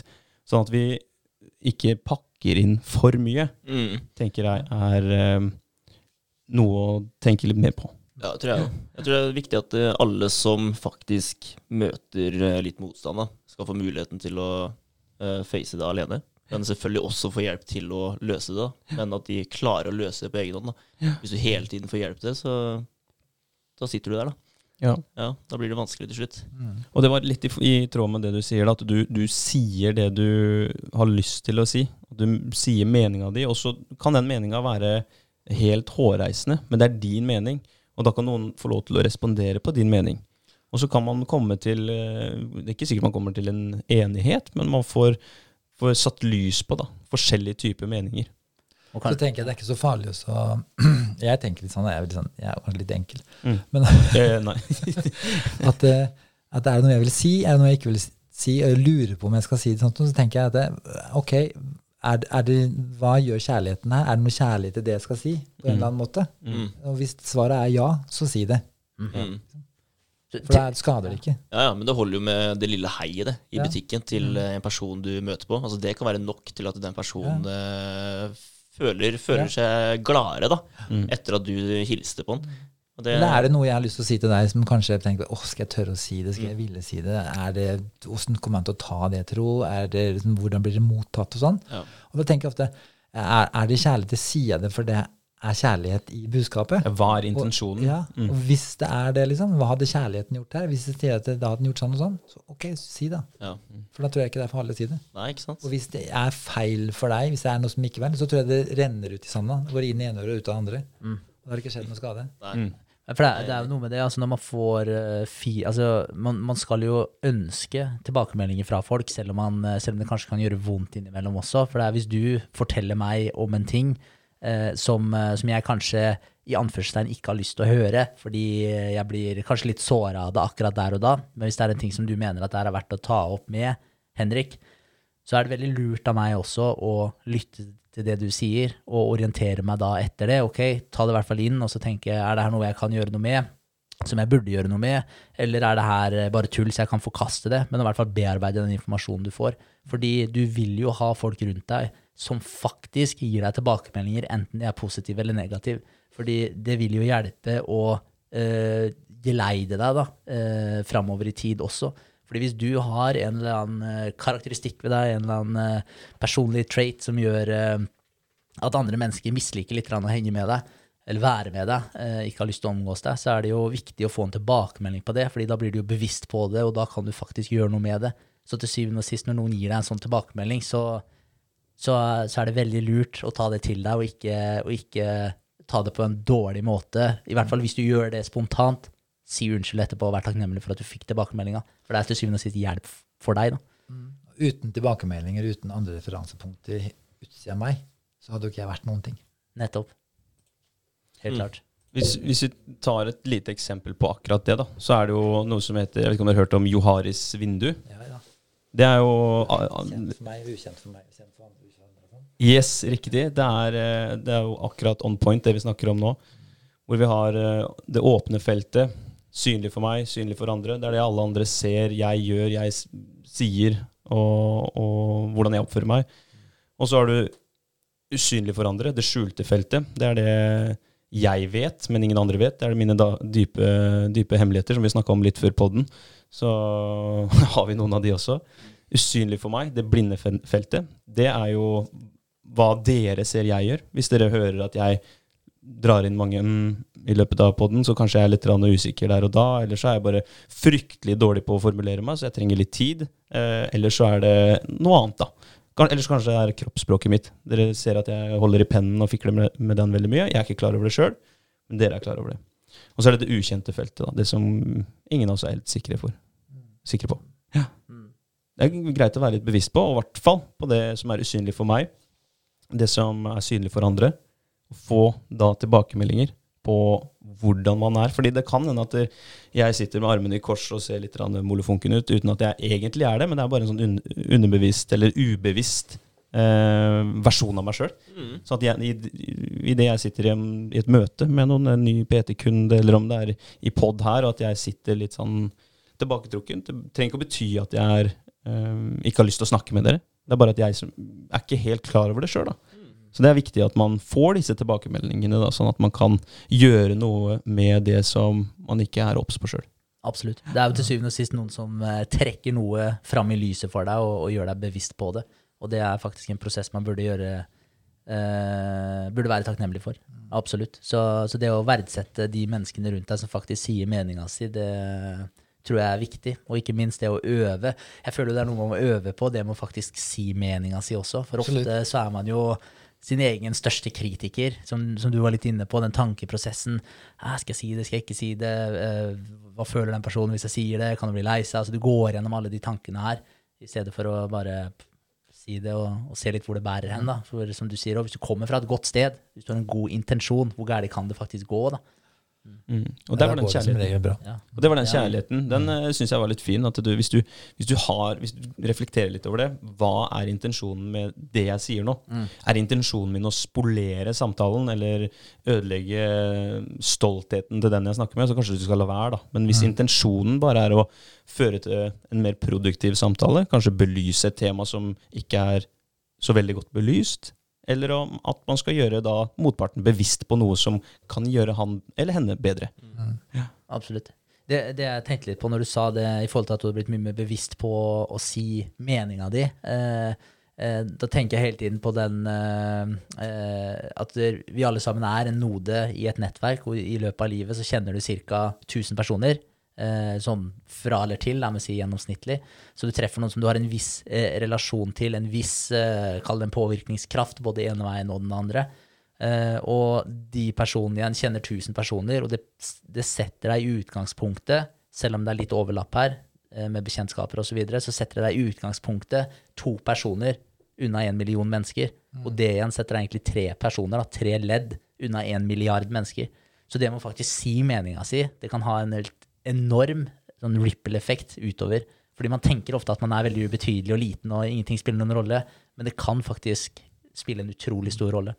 Er det ikke sånn at hvis 2 av jordens befolkning forandrer mening, så forandrer hele kloden seg? Det kan godt være mye sannhet i det. Ja. Ja, ja det gir 2 mening. Mm. For Ja. å forandre en total forandring på hele kloden. ja. Og det, ja. Og jeg tror at vi, jeg tror menneskene hadde tenkt å våkne opp litt.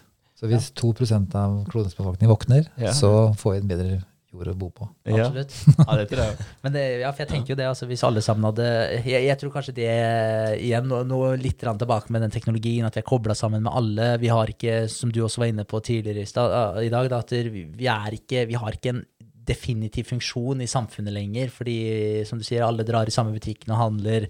Eh, alt er tilrettelagt og skapt at du skal være det konforme individet som bare skal passe inn i systemet.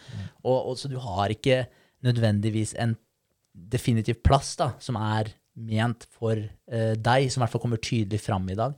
Og det kan jo føre til at mange føler at de har en eh, eksistensen deres er ubetydelig, at de ikke har noe stor mening med det ene og det andre. Og, og jeg tror det er mye av årsaken til at vi ser alle de problemene vi ser i dag òg, da.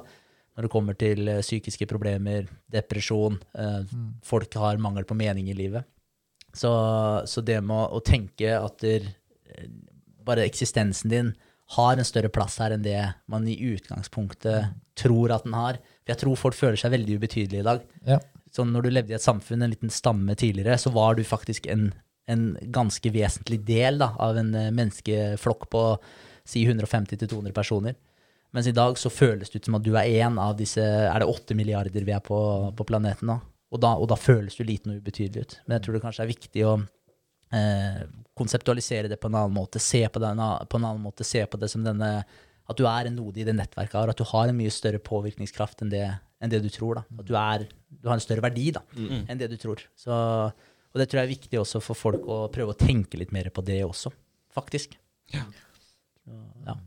Det var uh, vakkert og sterkt, Ja, syns jeg. det var det. Så, Ja, det var bra. Ja, det- Ja. Du fikk, du fikk noder i et nettverk til å bli Ja. veldig romantisk. Ja, ja? Ja, men, ja, jeg tenker at det som sagt er, er litt av problemet i dag. Da, at eh, folk ikke har nok troa på seg sjøl, ikke har nok selvtillit, ikke sier meninga si for man tenker at det er ubetydelig osv. Så, videre. så jeg likte veldig godt det du sa, Tormod, i forhold til at etter denne episoden her, så det som det har kanskje forandra mest ved det, er at du skal si hva du mener. Mm. Og ikke tenke så mye på er det, er det mye eller lite, det jeg har å si. Mm. Det kan være mye for noen og ubetydelig for andre. Men Mm. er, er det én person som det er bra for, så er det nok. Ikke sant? Mm, For den er én node, den kan si det igjen til en til, og det er plutselig en million som ser det. absolutt. Og det er, Ja, ja, starter spredningen. Ja, vi, vi ser jo det i, i det daglige. At får du et smil, så, så smiler du som regel tilbake, og da kan du igjen uh, smile til nestemann igjen, og så Mm. ser man at det sprer seg, og så blir vi litt gladere alle sammen. Og du er jo veldig flink til å, å skape glede og smil. Og du har jo tatt inn, uh, inn uh, noen vanskeligstilte inn i hjemmet ditt også, opp igjennom åra.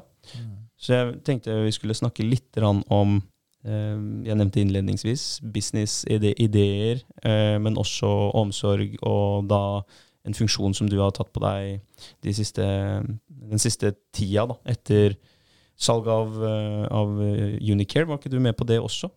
Dra Ja, familien vår drev bakke før vi solgte til Unicare, ja.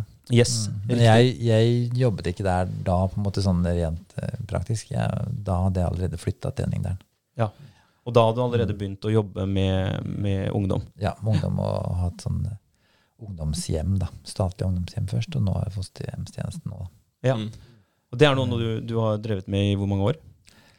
Uh, det er vel siden 2011, så det er ikke så lenge. Nei, ja, riktig.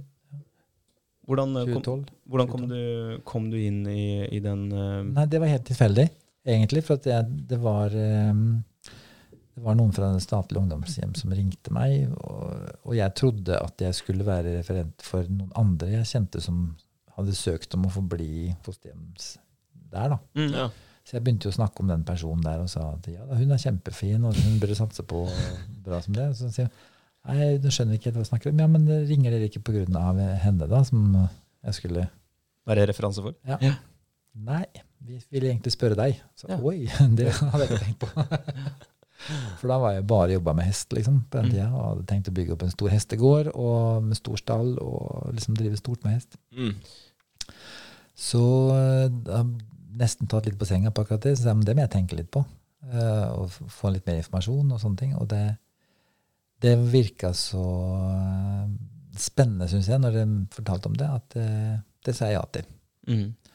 Og så har jo det utvikla seg da, etter hvert til å bli at nå har jeg et prosjekt på gang som jeg skal bygge på gården. da, Ettervern for ungdom mellom 18 og 25 år. Det er som planen framover. Mm. Mm. Eh, Er det mm, noe som eh, du har snakket om tidligere, hvor du skal hente inn en del penger og, og bygge, bygge litt forskjellige establishments Ja, på gården? Planen er at du skal bygge et helt nytt tun på gården. Mm. Eh, vi skal bygge seks boliger som til, eh, til beboerne. da. Mm. Wow. Eh, sånn mini, minihus, Mm. egentlig. I tretoppene, nesten. Ja, kult. Ja, stille. Og så skal vi bygge et orangeri med en lounge, og så er det et eh, produksjons-slash-restaurant. Mm. Kjøkken. Eh, fire hotellrom. Eh, gårdsbutikk. og Smi og verksted. Så det blir helt nytt tun. da. Hvor planen er at disse ungdommene som på en måte enten har vært i et fosterhjem eller, eller i en institusjon, da, som ikke er klar for å komme ut og klare seg helt på egen hånd, Mm. skal eh, få, få lære seg både botrening og arbeidstrening på et sted, et trygt miljø. da. Og vi flytter samfunnet inn til de istedenfor at de skal flytte ut til samfunnet. Så, Ja, så stilig. Så de kommer til å drifte den plassen, da. så Ja, Vi har, har kurs og virksomhet for lokalbefolkningen og andre folk. Og har ideer om type foreldrekurs man kan ha. Det kan alt være fra farge garn til blomsterbinding til eh, jeg vet ikke hva, kokkekurs til sløyd til sveising. eh, Hva det skal være. Ja. så Så, men de kan ha kurser, og så har de da med ide, skape ideene og markedsføre og gjennomføre Mm. Så, så fint. Er det her noe som du får tilskudd til, for det høres ut som et omfattende og ganske dyrt nei, ikke eh, prosjekt. Det er jo litt, det er jo det er godkjent, egentlig. Byggeplanen er godkjent, men jeg har ikke kommet helt i mål med investeringen. For jeg må ha med meg noen partnere på det her. Så Ja. jeg jobber litt med det.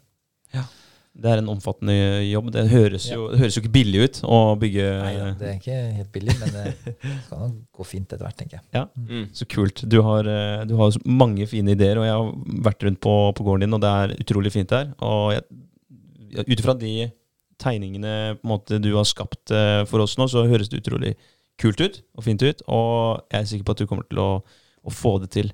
Det som også er eh, veldig vakkert, er jo at du, kommer til å hjelpe ganske mange mennesker eh, oppe i Enningdalen. Det skulle man jo ikke tro at man kunne gjort. Det i jo-. Oppe i skogen. Nei, det er fascinerende. Har du, har du noen med på laget, er det, eller er det kun ditt prosjekt eh, per nå? Per nå mitt prosjekt. Mm. Det, det, ja, det som er eh, det, eh, ja, det jeg liker veldig godt på det, er jo det at du, du faktisk eh, Ja, den får et sted å bo, men den får den overgangen i forhold til at den får lært seg litt praktiske ting. Den får lært seg å drifte stedet. Du får denne mestringsfølelsen. Får mye gode verktøy da, som du kan ta med deg videre. For det er kanskje mye av problematikken også. Nå kjenner jo ikke jeg helt til hva skal jeg si, det segmentet vi er inne på nå, men jeg kan jo se for meg at når du kommer ut fra et sted, brått skal du ut og møte den store verdenen, så kan den overgangen der være ekstremt stor. Den kan være ekstremt stor for mange som har med seg litt vanskelig fra før. Så er det vanskelig. Det er vanskelig for de fleste. Mm. Ikke sant? Og så er det vel litt som nettopp ble nevnt her òg, at mening i livet, tilhørighet, at det er eh, ekstremt viktig. Og spesielt for de her, da. De får jo en ganske meningsfylt hverdag hvis de får disse oppgavene og, og jobbene og, og dette stedet å være på, ikke minst. Ja, og så skal det være et sted hvor de føler seg hjemme. De er trygge i trygge rammer, hvor de kan få lov til å få være seg, da, istedenfor å måtte ut, kanskje på et arbeidssted hvor de er ukjent, vanskelig å komme ut og jobbe der. Mm. Så gjør vi det motsatt. Vi flytter jobben inn til de, eller samfunnet inn til de og ut igjen. Da. Slik at de kan få være i trygge rammer når de lærer seg, lærer seg livet. Hva er ofte eh, på en måte bakgrunnen til disse barna? Er det Det er veldig ulikt, selvfølgelig. Det er veldig ulikt. Ja. Det er veldig forskjellig. Det, det er at de kommer enten fra et eh, fosterhjem eller en institusjon da, som Mm. vi har bodd i. Men, men du hadde hatt uh, en del eh, fosterbarn hos deg? Ja, ungdom. Ungdom? Er det, er det, er det Hvor mange Eller- er det du har om gangen? Eller Nei, det jeg har på én av gangen bare. En av gangen, men du har hatt det liksom i flere omganger? Er det da du på en måte har blitt kjent med den problemstillinga her? Ja. Ja, så Det er, jeg ser når de skal på en måte ut og klare seg sjøl, så har ikke det vært så lett. Mm. Og jeg skjønner at det er et sort, og det jeg begynte å nøste litt i det, og høre om det, så er det et kjempeproblem. ja, ikke sant? Og, um, så det er eh, Ja. Det, det er veldig interessant der, og det har vi litt nærme med den uh, noden i et nettverk igjen. da. Her er det noen som ringer deg. eh, den telefonen der leder til at okay, du eh, går inn som en eh, fosterfamilie eller en fosterfar da, for disse ungdommene. Mm. hjelper dem på vei. Da begynner du å se problematikken der. Nå leter du etter en større investering for å bygge et svært tun da, som skal hjelpe den gruppa her som åpenbart trenger et godt rammeverk rundt dem. Så der har du en liten telefonsamtale da, som leder til alt det der. Er det. Ta sjansen når den byr seg. Ja. Det kan føre til noe fint. Mm. Mm. Ja, utrolig. Det er kult. En annen business, vi nevnte det så vidt eh, for litt siden. Det var hester. Var du som nevnte det. Ja. Du har jo tjent penger på ganske Ja. kostbar sperm. Ja, Verdifull eh, verdifulle dråper. Ja, verdifulle dråper. Absolutt. Eh, Jeg hadde jo en avlsstasjon Mm. på gården. Det som var starten jeg kjøpte gården Gjenningdalen, så var det fordi at jeg skulle drive avlsstasjon og stort med avl på hest og sånt. Og hadde jo tegninger på en stall hvor jeg skulle ha 35 bukster, så hadde jeg en løsdriftshall. Jeg skulle ha 60 hester på løsdrift, så jeg skulle liksom ha litt hest oppå der. Mm. Mm. Eh, Tegningene og alt var klare, de, men eh, så ombestemte jeg meg. Ja. Ja. Hva var det som gjorde at du ombestemte deg? Eh, at, at jeg fant det her da, som er mer verdifullt å jobbe med, måte, ja. som ga meg enda mer. Og jeg tenkte at hvorfor skal jeg avle hester til rike folk når jeg kan hjelpe noen barn som trenger det isteden? Mm. Ikke sant? Jeg har fortsatt noen hester, men nå har jeg fem. En li, Ja. liten stall på fem hester, og koser meg med det. Ja. Hvordan, eh, kan du forklare kjapt hvordan det eh, avlsopplegget fungerer når du har disse fem avlshingstene? da? Ja. Altså hvor, eh, Hvordan fungerer den prosessen? i forhold til, Er det noen som bare vet om det her? Sprer det seg på folkemunn? Er det folk som ringer deg, tar kontakt med deg og vil at du holdt jeg på å si, at håpa deres får eh, pare seg med en av disse hingstene? Hvor mye Ja, det, cash det, så, snakker vi om? det, er få en, det få en kåra hingst, det er ganske langt løp. Ja. Eh, for det første må du ha en bra unghest. Og sånn, som dette tilfellet, jeg har hatt eh, en hingst som heter Piquez. Eller Tobayo Piquez, da, hele navnet. Han, eh, som jeg avla sjøl, han, han har jo gått hele løpet, for å si det sånn, fra start til mål med, sammen med meg. Mm. Han er nå pensjonist og står på eh, JJ Horses i Trøgstad, for han har fortsatt en avlsverdi, da. Mm. Og jeg har lagt en avlsstasjon, så nå har han flytta dit. Og okay. de er venner av meg som driver. Men uh, det å få en kårehengst, det er at den skal kåres for en kåringsnemnd da, som treåring allerede. Og så skal den ha visse kvaliteter. Eh, både gang og ridehest. Eh, kvalitetene skal være gode. Og så må den inn på ny test to år etterpå for å si, gjenkåres igjen. Og så er den, må den jo ut i sporten og vise seg sjøl, for det her er ferskvare. Mm. Skal du ha, eh, få solgt sperma på hingsten din, så må han en måte prestere og være god. Mm. Mm. Og um, det har han vært. Han eh, var på det beste, så var han jo i den aldersklassen som rytteren var i, da, så var han jo ranka som nummer seks i verden. Oi. Oi. Hvor, hvor mye må man forvente å gi for eh, en dose av det, da? Ja, det er litt sånn Jævlig bra formulert. eh, Jeg likte det. ja, For en dose så må du gi seg ca. 10 000. Ja, såpass, ja. Mm. Og hvor Ja. På ridehesten så er det ganske På travhester så er det mye dyrere. Ja, okay. Men de har litt annet system. Ridehestene koster mer i salg, men er litt billigere å avle. På, sånn, mens traverne er veldig dyre å avle, men koster mye mindre å kjøpe. Ok. Mm, ja vel. Mm. Ikke sant? Ja, men, men hvor mye kan du omsette på en uh, hingst? Så nysgjerrig spurt. På, Ja, på nå har vi ikke så stort marked i Norge, liksom, men Nei. eh, sånn som Piquet, da, som han ga godt, så han kunne fint gitt eh, til 20 hopper på E-dose. Mhm. Å ja. Oh, ja. Ja. Ja, vi er der, Oi. ja. Ja, ja. ja. Så sant? vi deler opp. Da, vet du. da har vi litt Ja. laboratorie, titter i mikroskop og sædteller, og vi regner, ordner og styrer og ser på kvaliteten og bedømmer hvor mange som svømmer fint, hvor mange som svømmer i ring, og hvem har hale, hvem har ikke hale, hvem blinker i trynet. Og, sånn, Og sånne ting. Så, ser vi på, så det er vant til å se på sperma, for å si det sånn. Ja, det er bra. Ja, det er jo helt utrolig. Men, men eh, hva er det som er den begrensende faktoren eh, i Norge? Er det antall, Antall, hester? antall hester. Ok, ja. Så det er ikke, du, du kan ikke bare sende det her i Nei. bokser eh, internasjonalt? Jo, jeg har sendt noe. Jeg hadde, jeg hadde, på det meste hadde jeg seks hingster, og da hadde jeg noen som jeg solgte noe til utlandet, men ikke mye. Har du ikke noen berømte, berømte både ryttere og, og hester sånn rundt omkring?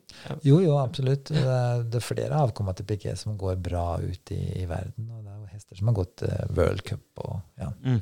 Mm. Utrolig kult. At det er, din legacy er der. To-tre avkom som har gått VM. Oh, shit. Ja. Stilig. Er det, er det noe eh, Er det noen kontrakter på bindingsfritt? Altså når du selger eh, dosa til eh, noen, er det Får du noe av Royalties. fremtidige gevinster og sånn? Nei, sånn er det. På trav er det sånn. På Da trav får du sånn, 10 av eh, sånt, Men det er ikke bridehester. Nei. Ja. Det det. Så det gjør jeg ikke. Nei. Men uh, Men uansett fett da, at det og det har sier, ikke, det har ikke vært noe Ja. stor business i Norge, og så er det ikke avlsrom. Norge er ikke stor business. Nei. Det er mer for en lidenskap. Det er livsstil. Ikke Så det, jeg har jo kost meg med det og hatt det kjempefint med det i alle år. Og, men jeg har ikke tjent mye penger på det. Sånn. Men jeg har hatt det godt. Ikke sant? Ja, utrolig det er et godt liv. Det er det viktigste. Men er det da både avl av, av hingster, men så er det også cocker spaniel, som André prata om tidligere også? Ja. Det er noe med at summen av laster er konstant. Er det ikke? ja. Så når jeg begynte å trappe ned på hest, så begynte jeg å ta mer opp igjen min gamle lidenskap, og det var avl oppdrett av cocker spaniel. ja, ikke Så, sant. så når hestene gikk ned i antall, så økte hundene. Mm. Og nå har du Tolv voksne hunder akkurat nå for øyeblikket, ti valper hjemme. Ja, 22 bikkjer på gården er greit, det. en del hunder, da. Ja, det er det. Og det er jo den gamle avlsstasjonen som er gjort om til kennelanlegg nå, da. Ja, så der hvor eh, hadde, der vi har tappa hingst før og titta på sperma i mikroskop, der har jeg nå kennelanlegg. Mm. Mm. Heftig. Det er et veldig fint uh, anlegg. Det er, uh, jeg liker å kalle det Og det kom opp på, på gården til Tormod og bli møtt av disse cocker spanielene som eh, en av de beste lykkepillene som eh, finnes. Hvis du har det litt down, så skal jeg love deg at du drar derfra på en eh, opptur. det, det gjør du, altså. Beste salgstrikset noensinne. Ah, ja, altså- tolv kokker, Ja. Det er jo ingen som drar opp for å se på hund uten å kjøpe en hund. Det, er, sånn, det, er, det går ikke.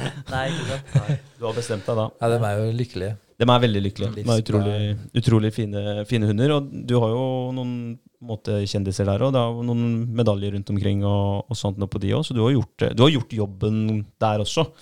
Ja, nei, jeg syns jo det er gøy med, med utstilling og sånn, så jeg har jo Ja. ja. Og jeg vil jo helst Jeg er jo litt sånn Jeg vil jo ha det beste. Mm. Jeg vil jo helst vinne alt jeg gjør. Er det derfor du dro til Stockholm og, og henta deg en hingst også? Du ville alltid ha det beste, så du måtte helt uh, Ja, det fins ikke noe bedre enn han. Det, er- han, det er uh, virkelig Du får spille akkurat den setningen her til en uh, når, det, når det, episoden kommer ut. Nei, det er Ja. Bra. Absolutt. Men det er, det er definitivt en mann med, med masse positivitet, gode kvaliteter og mange jern i ilden hele tiden. Og hva er det som er grunnen til at du, du hele tiden måte må ha disse lastene, som egentlig er veldig positivt for deg, da, med dyr og det, er, Føler du at du noen gang kommer til å senke skuldrene, pensjonere deg på gården, eller Jeg håper at jeg har senka skuldrene helt, det. det Ja, ja, ja. nei, jeg, nei, jeg tror ikke det. Jeg innbiller meg jo at jeg er eh, 23 enda. Mm. Så, så nei, jeg skal stå på en stund til, jeg. Det skal er Godt å høre, for jeg tenker også det at jeg alltid kommer til å føle meg like ung her oppe. Ja, ja. Så jeg liker godt å høre, Tormod. ja, det, det er sant. Ja. Og jeg tror at det gjenspeiler seg veldig i uh, kroppsholdning og energinivå også. Man, Blir du gammel her, så blir du fort gammel i kroppen også, tenker jeg. Ja, nei, det gidder vi ikke. Nei, Nei, det gidder vi ikke. Rett og slett. Jeg gidder ikke. det er bra. Er det, jeg tenker sånn, uh, i forhold til uh, litt på tampen, noen tips eller et eller annet du har lyst til å spre? Budskap? Er det noe visdom fra Tormod helt på slutten her som eh, folk kan ta med seg videre? De som hører på, er det Vi har vært innom mange temaer i dag, og jeg føler det har vært en veldig, veldig fin samtale. Men eh, om det er noe som du føler burde bli nevnt? Eh, det er jo ganske, det er ganske mye som burde vært nevnt, kanskje. Men eh, jeg vet ikke. Sum, jeg vet ikke. Tørr, våg, Mm. bare vær. Og så er det det også er mye bedre å være enn å gjøre. Mm. Mm. Ja. Det er faktisk sant, for det er, det er konstant. Det er Mm. noe du er. Ja. Veldig lurt. Og vi vil takke deg for at du brukte stemmen din her hos oss. Tusen takk for at jeg fikk komme. Ja. Det har Ja, vært eh, veldig hyggelig. Det var viktig for deg, og det var viktig for oss også. Det er viktig at vi får bruke stemmene våre. Mm. Og så setter vi pris på tiden din, og vi ønsker gjerne å låne tiden din en annen gang også. Hjertelig velkommen tilbake. Absolutt. Når uh, tunet er eh, bygd opp, og du har realisert visjonen din, så håper jeg vi kan eh, få deg tilbake her og få Ja. prate litt mer om den biten. Absolutt. Da får du litt press på deg, fordi vi vil snakke med deg ganske kjapt igjen. Ja. All right, boys. Takk Yes. for i dag. Takk for i dag. Ja.